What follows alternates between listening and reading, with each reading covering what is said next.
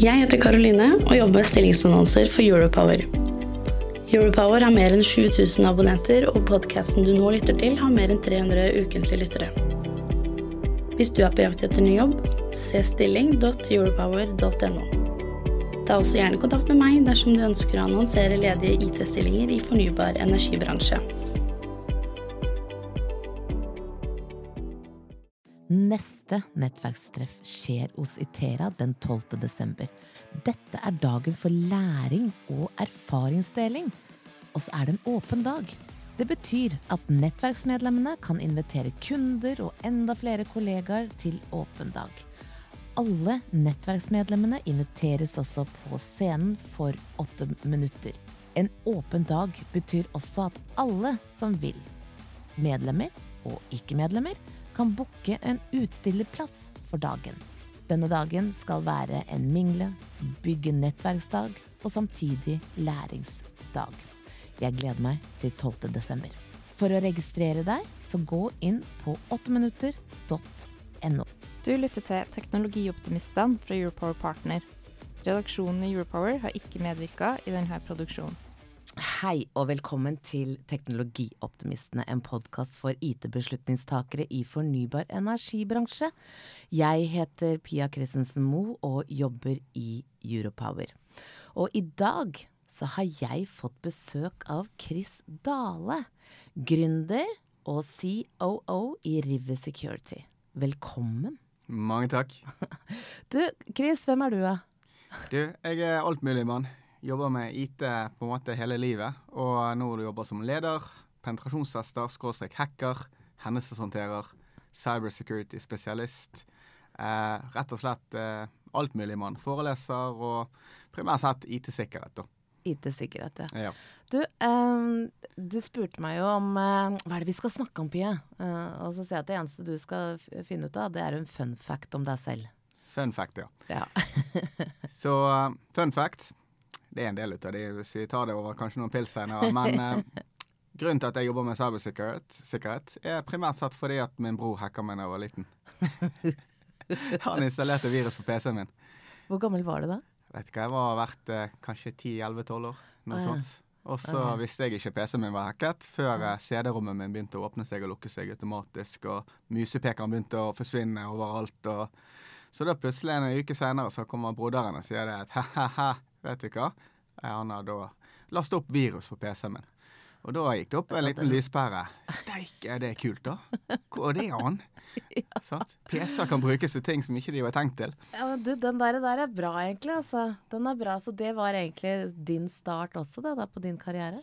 Ja, da fikk man i så fall eh, førsteinntrykket og første interessen satt. da. Og så var det selvfølgelig arbeid og skole og kjærester og sånne ting. Men så, eh, så begynte det å bli eh, cybersecurity fulltid etter bachelorgrad og begynte å jobbe med utvikling og fant så mye svakheter i alt mulig. Sant? Og det var ikke så vanskelig heller. Det var egentlig bare til å ja, være litt nysgjerrig og stille litt sånn rare spørsmål til applikasjoner. Ja.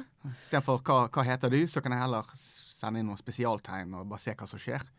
Alt mulig. Det var jo litt av det eller Mitt neste spørsmål skulle være da, eh, at eh, River Security, hva gjør dere? Det sier seg jo selv, og du har jo nå fortalt også hva, hva du gjør. Men hva er det dere leverer for noe? Så vi leverer tjenester som eh, konkurrerer med de kriminelle, rett og slett. Eh, De kriminelle jakter hele tiden på veier inn i selskaper for å prøve å svindle de, svindle de prøve å tjene penger på de, stjele data og informasjon. Eh, Og det vi gjør, er at vi kommer de kriminelle i forkjøpet, finner svakhetene i applikasjoner og i bedriftene generelt sett, før kriminelle klarer å utnytte de. Slik at vi på en proaktiv måte kan beskytte samfunnet og oss sjøl og organisasjonene våre. Du er jo en av gründerne. Når og hvordan var det dere startet selskapet? Så startet det for tre og et halvt år siden snart, eller vi er faktisk over tre og et halvt år nå, eh, med en ambisjon om at eh, vi er nødt til å gjøre ting på en annerledes måte. Eh, vi, vi taper på en måte kampen, og vi har mulighetene til å konkurrere bedre med kriminelle. og valgte også å gå for en idé istedenfor uh, Jeg har alltid hatt en gründer i magen, og jeg skulle starte Chris Dale AS på en måte. Jeg tenkte det at ja, ja, eh, nå begynner det selskapet jeg jobber for å bli så stort, jeg har lyst til å gjøre noe sjøl. men så Hvilket selskap var det du jobbet for? Net Security heter de. Net Security.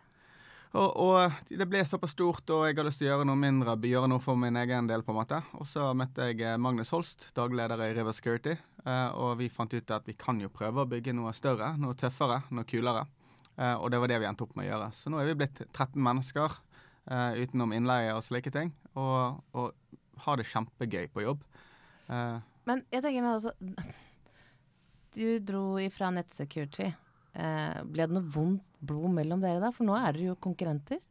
Ja, eh, det er heldigvis ikke det. Eh, Det er en bransje som det er plass til eh, både oss og mange flere. Eh, IT-sikkerhet er ikke lenger et valgfag som bare på en måte skal være på sidelinjen. Det blir mer og mer en prosess som skal være med i alle beslutninger og alle prosesser vi har i dag. Ja. Uh, slik at det er egentlig en vanvittig bra bransje å være i. Uh, bedrifter har behov for det. Uh, de trenger hjelp og assistanse. Og så er fagfeltet òg, spesielt innenfor det vi driver på med, det, det krever en del ekspertkompetanse som er vanskelig å besitte sjøl. Mm. Mm. Men hvem er, hvem er eh, andre konkurrenter av dere? Så Nemonic er et kjempestort og flinkt selskap i Norge. De, eh, de har jo fått internasjonal suksess til og med, okay. uh, så de eh, kan du si er en konkurrent. Uh, og så er jo det generelt sett andre selskaper som leverer offensive tjenester. Penetrasjonstesting er på en måte Cantega og Vitted og sånn nå, eller er de? Hvilke, sorry. Cantega og Vitted, er de også konkurrenter? Veldig usikker på om de leverer slike tjenester. Ja. Eh, men det vi gjør, er basically operere som kriminelle og hjelper å finne svakheter i IT-løsninger. Eh, og så har vi valgt en annen approach, en litt mer avansert og kontinuerlig approach enn konkurrentene våre. Så akkurat nå så sitter vi med en tjeneste som ikke andre konkurrenter i Norge egentlig leverer. Men kan ikke du ta meg gjennom uh, Jeg tenker Når du møter en kunde, eller en kunde ringer deg og sier 'Kristale, vi trenger hjelp'. Ja, Ja, kan ikke du fortelle meg om den reisen dere gjør? Hva er det dere gjør for noe da? ikke sant? Det, det første det begynner med, Ja. som, som egentlig skulle Du skulle ikke tro det, men det er litt sånn revolusjonerende. Vi er nødt til å hjelpe kunden å forstå hvem de er sjøl. Hvilke IT har vi? Det finnes ting som skygge-IT, f.eks. Ja. Vi har satt opp servere og applikasjoner som vi har helt glemt at de hadde. Og vi er nødt til å rett og slett hjelpe kunden å forstå sin digitale angrepsflate. Dette er systemene og veiene inn. Så det hjelper på en måte å kartlegge og gi kundene skråblikk på seg sjøl. Og rett og slett en prioritering på hvor attraktiv syns en hacker systemene deres er. Og den digitale angrepsflaten eh, legger vi frem til kunde og viser det at eh, her, det her er det kjempeinteressante måler for oss å angripe. Så nå har du identifisert egentlig hva de har. Ja. Ja, og så neste du gjør da, er rett og slett å vise frem og så hva, er, det, det er noe testing, eller hva, hva er det som skjer da? Jo, nei, det er et godt spørsmål. Eh. Når vi har funnet alle systemene, så må vi faktisk begynne å prøve å hacke de systemene. Og hvordan hacker man? Eh, det er jo det som er ekspertfagfeltet. Men vi bruker angrep og vi bruker konfigurasjoner og alle mulige teknikker essensielt. Eh, men det som er veldig viktig, er at vi er nødt til å gjøre en penetrasjonstest ikke bare i dag, men vi er nødt til å gjøre det i morgen, basert på hvilke endringer som kommer. Si når eh, Dagens Næringsliv har skrevet om den siste nye sårbarheten som eksploderer ute i verden akkurat nå, så er det helt avgjørende at et team av penetrasjonstestere tar den, så, den sårbarheten og sjekker angrepsflaten til kunden med en gang, og svarer på spørsmålet kan vi bli hacka nå, da? Men nå som AI har blitt Jeg er jo ikke så inne i akkurat ditt fagfelt. Så eh, nå som AI har blitt, eh, og er egentlig litt mer og mer vanlig i bruk, da.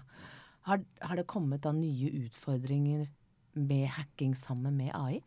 Du kan si det sånn, ja. Eh, kriminelle kan jo bruke AI like så vel som vi kan bruke AI til å gjøre ting for godt. Eh, så du vil jo se det at eh, ellers komplekse temaer, så kan AI hjelpe eh, vanlige ukunnskaps- eller kunnskapsløse si kriminelle Ja. å ta i bruk teknikker som kanskje ellers har vært eh, eh, ute av rekkevidde. Ja. Samtidig som at eh, veldig mye angrep dessverre går på å lure mennesker, og prøve å overbevise mennesker om at dette er ikke svindel, dette er jo noe du har lyst til å trykke på eller legge fra deg brukeren den passer til.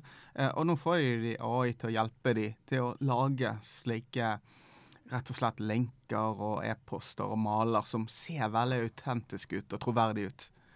Det er jo det som Sånn som da eh, Er det ikke Telenor som har det på, på TV nå? At de gjenkjenner også stemmer, så de kan eh, Ja. Det er det. Men jeg tenker på en annen ting også. Flere og flere selskaper nå flytter jo sin eh, Flytter jo alt ut i sky. Og bort ifra da on-prem. Bidrar ikke dette også til mer hacking? Altså reisen fra server til sky, da. Det er, det er, et spørsmål som ikke man svarer ja eller nei på. Eh, det er mye mer dimensjoner i det å flytte til sky. Eh, se for deg at du skal ha en, en, tjeneste kjørende på en server. Så skal du egentlig ha personell og kompetanse til å drifte den serveren. Bytte mm. ut harddisker og prosessorer og drifte det på en forutsigbar og god måte som faktisk er stabilt. Den type operasjoner er det meningen at skyleverandørene skal gjøre bedre, og de skal ha kompetansen. Og vi, skal, vi, betaler egentlig for at de skal gjøre det på en trygg og god måte. Eh, men så er det slik at man flytter ut i sky, gjerne eh, på, på, en måte bare fordi at alle andre gjør det. Eh, og man gjerne ikke forstår seg på skyen, man forstår seg ikke på tiltakene som ligger der. Feilkonfigurasjoner. Og man introduserer potensielt risiko eh, uten at man vet det. Eh, så det er viktig selvfølgelig man vet litt hva man driver på med. Og jeg har sett kunder rett og slett falle nærmest til de blir konkurs, bare fordi de har flytta til sky. Og de har ikke visst om hvilke ja, konsekvenser det kan ha. Men når du sier det Du kan ikke si ja eller nei om hva som er best, å ha i sky eller on-prem. Hva ville du anbefale? Jeg ville anbefalt å bruke skyen til det det er godt for. Eh, man har forskjellige ansvarsområder i sky. Eh, og det å være bevisst på at man delegerer ansvar for sikkerhet av drift av eh, maskinvare og i noen tilfeller plattformer som operativsystem og applikasjoner. Man setter ut det. Man kjøper seg fri fra å måtte drifte det sjøl mm. og holde det oppdatert og patchet. Eh, det er faktisk en god idé. Og mest sannsynlig så gjør skyen, i så fall de store profesjonelle, ikke i hermetegn hvilken som helst skyleverandør. Ja. Men de store, tøffe, de gjør ganske bra jobb der. Og de gjør det mest sannsynlig bedre enn det du hadde gjort sjøl. Hmm. Du fortalte meg at det er nå 13 stykker som jobber i selskapet. Eh, hvordan er fordelingen av mennesker? Så vi har uh, selgere.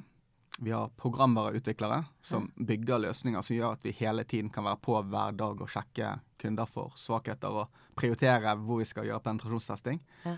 Uh, vi har uh, Og utenom det så er det penetrasjonstestere og sikkerhetstype analytikere.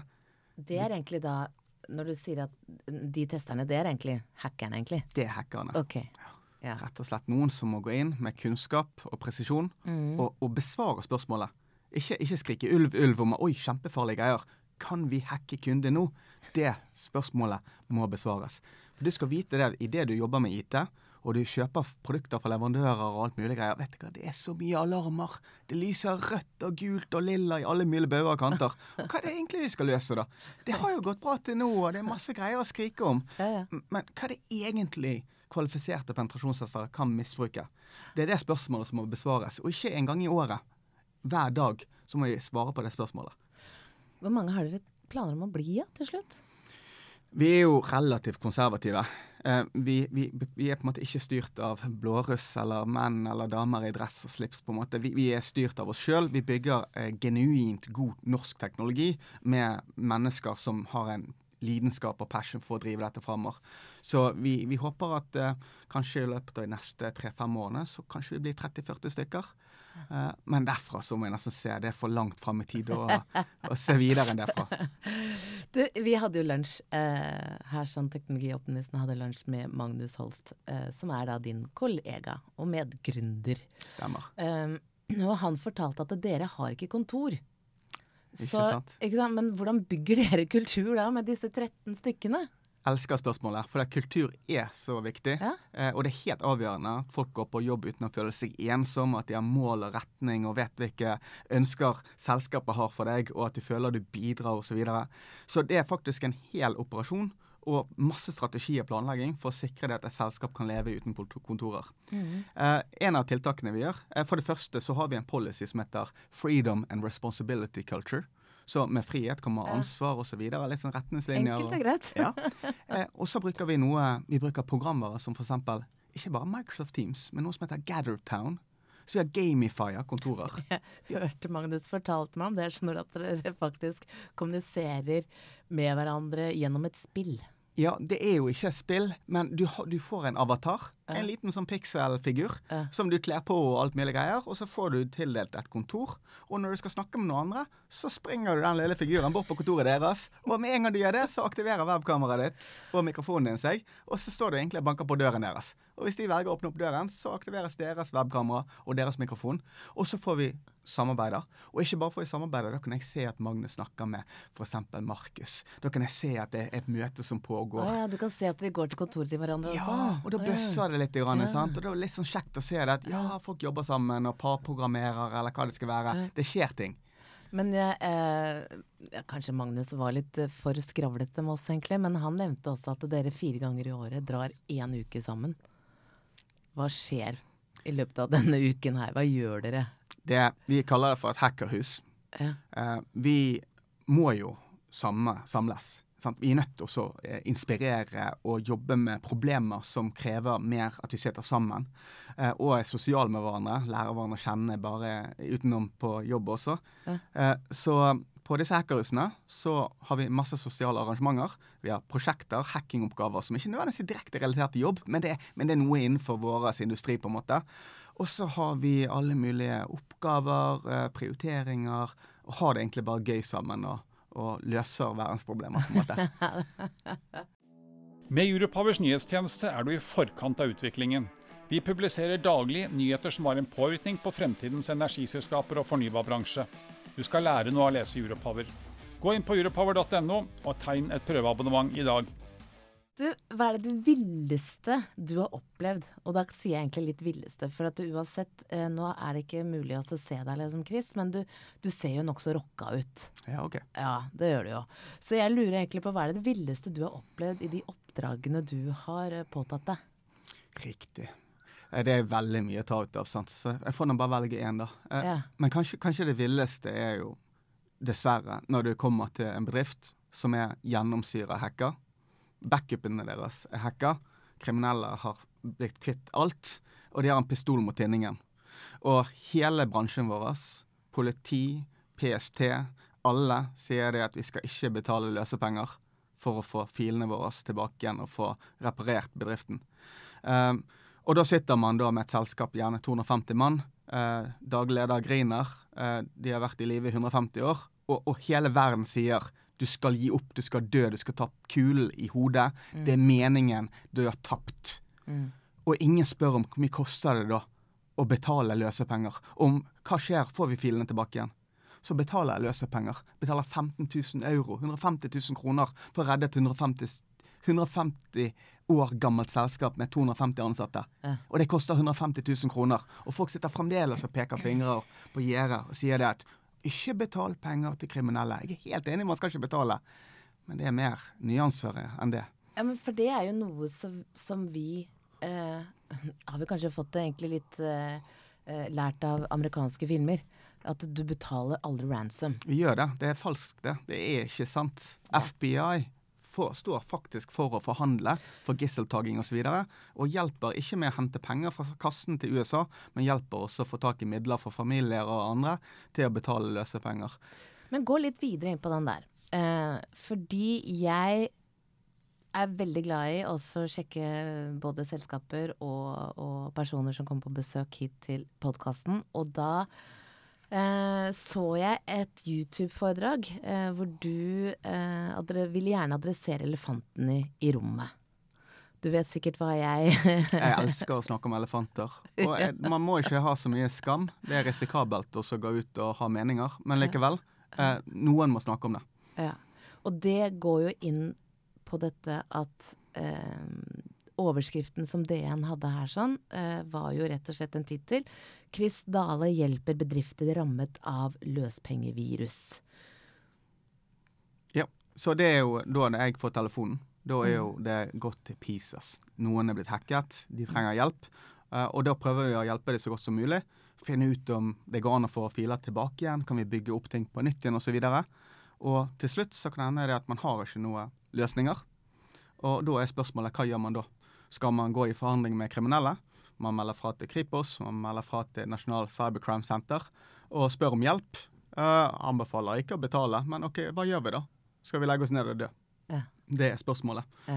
Og, og det er ingen som er tjent med at et selskap går konkurs, at vi sender hundrevis av mennesker på Nav. Likevel så skal noen svare på spørsmålet. Hva gjør vi da? Mm. Og det er et vanskelig spørsmål å svare på. Og- Veldig. ja, og vi er nødt til å gjøre de valgene i dag. Hvis du ser på det som blir skrevet om i media i dag, det er toppen av et isfjell, Pia. Det er så stygt under, lenger nede. Det er så mange flere bedrifter som blir hacka i øst og vest eh, at du vil nesten ikke tro det. Det er ukentlige telefonsamtaler, og vi annonserer ikke engang at vi jobber med hendelseshåndtering. Så det er ganske stygt, dessverre. De kriminelle har på en måte tak på oss. Um, vi klarer ikke å henge tritt med teknologien.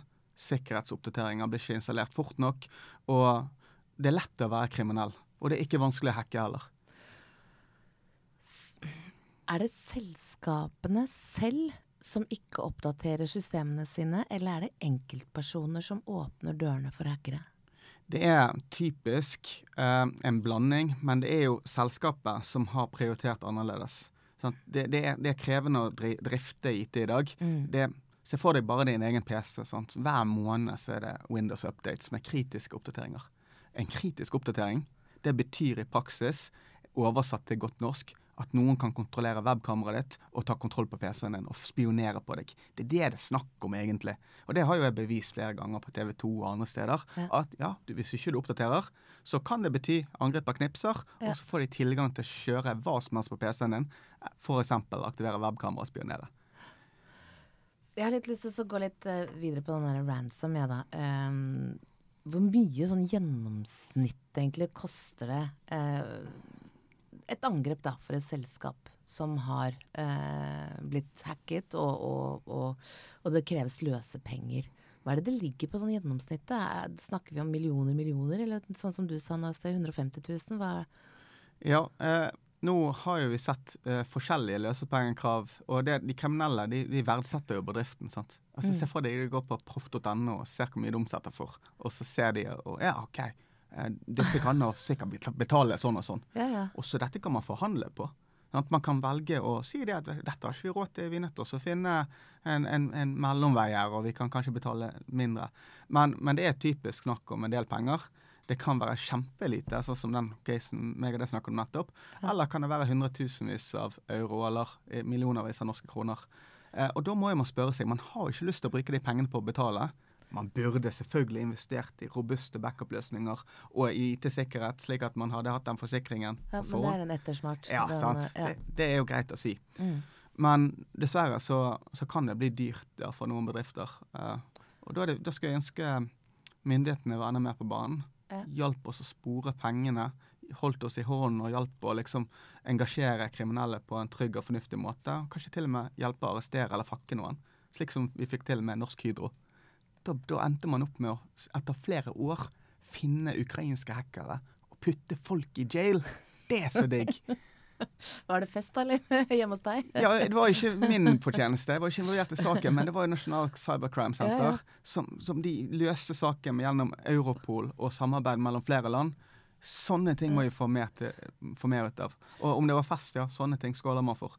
Det er ikke ofte. Så det som er, er at det koster mer faktisk å bli hacket enn å eh, begynne å gå i sømmene og begynne å installere nye Ja, antiviruser og Du kan si det sånn, men det er en, det er en dimensjon oppi dette som er ureparerbart. Ja. Det, det er noe som ikke Det koster mye mer enn det smaker. Og det er når vi blir hacket, ikke bare blir filene våre holdt til gissel. De stjeler òg filene våre. Og i filene våre så ligger personalsamtalen din med lederen din. Der ligger sykemeldinger. Der ligger lønns. Der ligger oppskriften til suksess. Der ligger all den dataen som vi ikke kan tape. For eksempel så har jeg en kollega i USA, tre år gammel datter. Det første brevet hun fikk i posten, var 'beklager'. Brev fra sykehuset. 'Beklager, men vi er blitt hacket'. Eh, personnummeret ditt, fødselsdato, blodtype. All dataen er gone. Du er tre år gammel, det første brevet du får. Det er ureperbart. Det, det kan ikke vi fikse. Da er det skaden skjedd, og skaden skjedd for alltid. Det går ikke an å gå tilbake igjen. Det kan man trygt si. Du, um, om du skulle valgt en bransje som du ville hacket, hvilken bransje er det du ville gått etter da? Jeg hacker jo alle bransjene, så det er sånn uh, pick and choose. Uh, favorittbransje? Nei, si det, du. Det er jo Hvem er det som er dårligst? Uh, bankfinans er bra.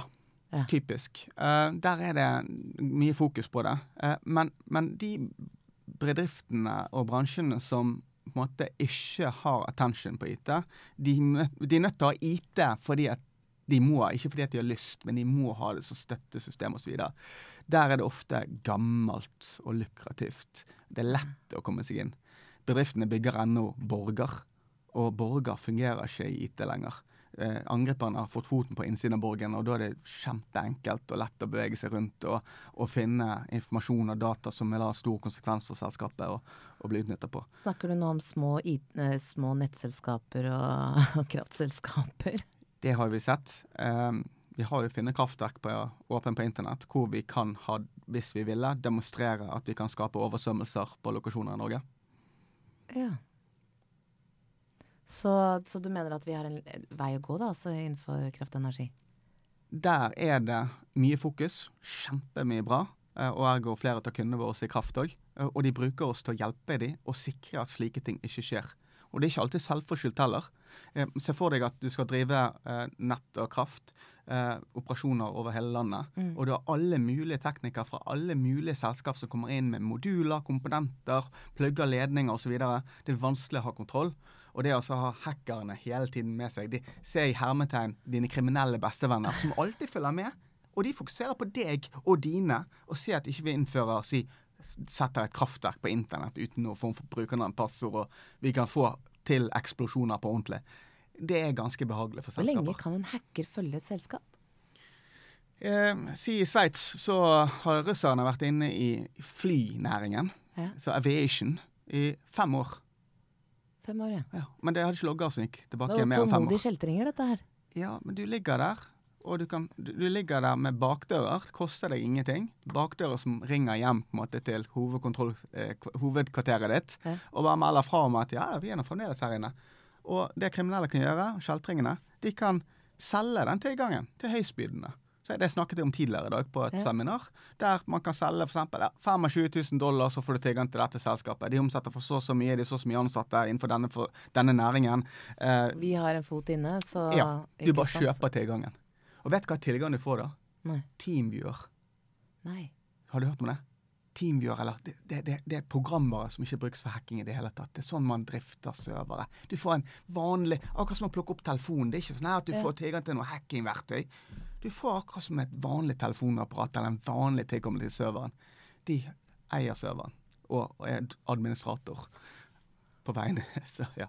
Du, jeg må jo ærlig innrømme at dette her er nokså Jeg blir veldig fascinert. Uh, enda det er, det er et eh, tema som jeg ikke er så veldig glad i. Uh, men jeg blir veldig fascinert, for at det er jo Man skulle jo egentlig tro Man tenker på sånn Kjeltringer kan være litt late, kjeltringer er jo Men dette her virker Hackere virker jo som noen virkelig mennesker som sitter og er bestemte på hva, hva de har lyst til å gjøre for noe, hvordan de har lyst til å komme frem, altså.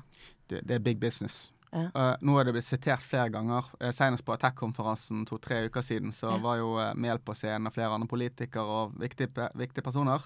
Leder for Nasjonal sikkerhetssenter han sa at uh, cybercrime, cyberkriminalitet, det er mer penger å tjene i cyber enn det å tjene i narkotika. Ja, da, da, da er den grei. Du- Det, det begynner å bli en stund siden det målet var forbigått. Ja, det øh, mm. Mm. Du, jeg har litt lyst til at du skal komme med en anbefaling også, ja, til enkeltpersoner. Hva er det? Hvordan kan jeg som person ta og sikre mitt? er det én ting som gjør at det er lett å være kriminell, så er det for å utnytte naiviteten i hodene våre og hjertene våre. Eh, når vi er på internett, så må vi forstå det at internett, ja, fullt av muligheter, fullt av masse gode ting, men det er òg en lang gate. Det er ett nabolag, og det er det verste nabolaget du kan tenke deg å bo i. Det er kriminelle terrorister. Alt du kan tenke deg, er i samme gaten og kan banke på din dør når som helst. Og der går man i dag, akkurat som jeg hadde gått nedover Karl Johan, med lommeboken hengende ut av bukselommen, og tenker at her er det sol og grønt og fint og regnbuer og enhjørninger som fiser nye, regn, eh, nye regnbuer. Det er, det er en av de verste stedene du kan tenke deg, og det må vi vite om. Så vi må ha fokus og tenke det at her er det fare. Vi må nødt til å være kritisk, stille spørsmål en gang for mye enn en gang for lite, og rett og slett vite det at det er akkurat som at vi hadde gått på en farlig gate i det ekte verden og blitt forsøkt svindlet eller lurt ut av Mm. SIS, folk nedover Karl Johan, som jeg gikk i sted. Sant, Hva er det du gjør for noe? Eh, For å passe meg sjøl. Ja. Det er rett og slett Si, si eksempel jeg får en forespørsel om en pakke, eller noen har sendt meg en forespørsel om et eller annet. Så må jeg stille meg sjøl venter jeg på dette. Er det for godt til å være sant? Kan jeg ta kontakt med sentralbordet og bare høre at dette Kan jeg ringe noen andre eller dobbeltsjekke? Si kontakte vedkommende over telefon istedenfor bare få en SMS eller en e-post. Mm. Jeg er nødt til å stille de spørsmålene til meg sjøl, for å rett og slett tenke at jeg regner ikke med at det er lureri lenger. Jeg logger meg aldri på offentlig uh, med maskinen. Jeg tar alltid gjennom telefonen min. Er det et godt tips? Telefonen er typisk mye tryggere enn en PC. Ja. Det er vanskeligere å ta full kontroll over en telefon enn en PC, så det høres ut som en god idé. Hmm, der kan du se. Ja, kan du se. du er flink. Du, da gjenstår det bare å si tusen takk for at du tok deg tid, Chris Dale, gründer, CEO i River Security. Eh, og tusen takk til deg som lytter og har satt vår podkast som en favoritt hver fredag. Mitt navn er Pia Christensen Moe, og jeg er en teknologioptimist. Chris, da stiller jeg spørsmålet til deg. Jeg er litt usikker akkurat nå. Eh, er du en teknologioptimist? Jeg er faktisk det. Du Eh, Det kommer til å være mange fallgruver, og vi kommer til å slå oss litt på veien. Men teknologi brukes for bra, og vi kan bare bli bedre. Så absolutt. Da sier jeg bare takk for meg. Neste nettverkstreff skjer hos Itera den 12. desember. Dette er dagen for læring og erfaringsdeling. Og så er det en åpen dag. Det betyr at nettverksmedlemmene kan invitere kunder og enda flere kollegaer til åpen dag. Alle nettverksmedlemmene inviteres også på scenen for åtte minutter. En åpen dag betyr også at alle som vil, medlemmer og ikke-medlemmer, kan booke en utstillerplass for dagen. Denne dagen skal være en mingle, bygge nettverksdag og samtidig læringsdag. Jeg gleder meg til 12. desember. For å registrere deg, så gå inn på 8minutter.no. Jeg heter Karoline og jobber med stillingsannonser for Europower. Europower har mer enn 7000 abonnenter, og podkasten du nå lytter til, har mer enn 300 ukentlige lyttere. Hvis du er på jakt etter ny jobb, se stilling.europower.no. Ta også gjerne kontakt med meg dersom du ønsker å annonsere ledige IT-stillinger i fornybar energibransje.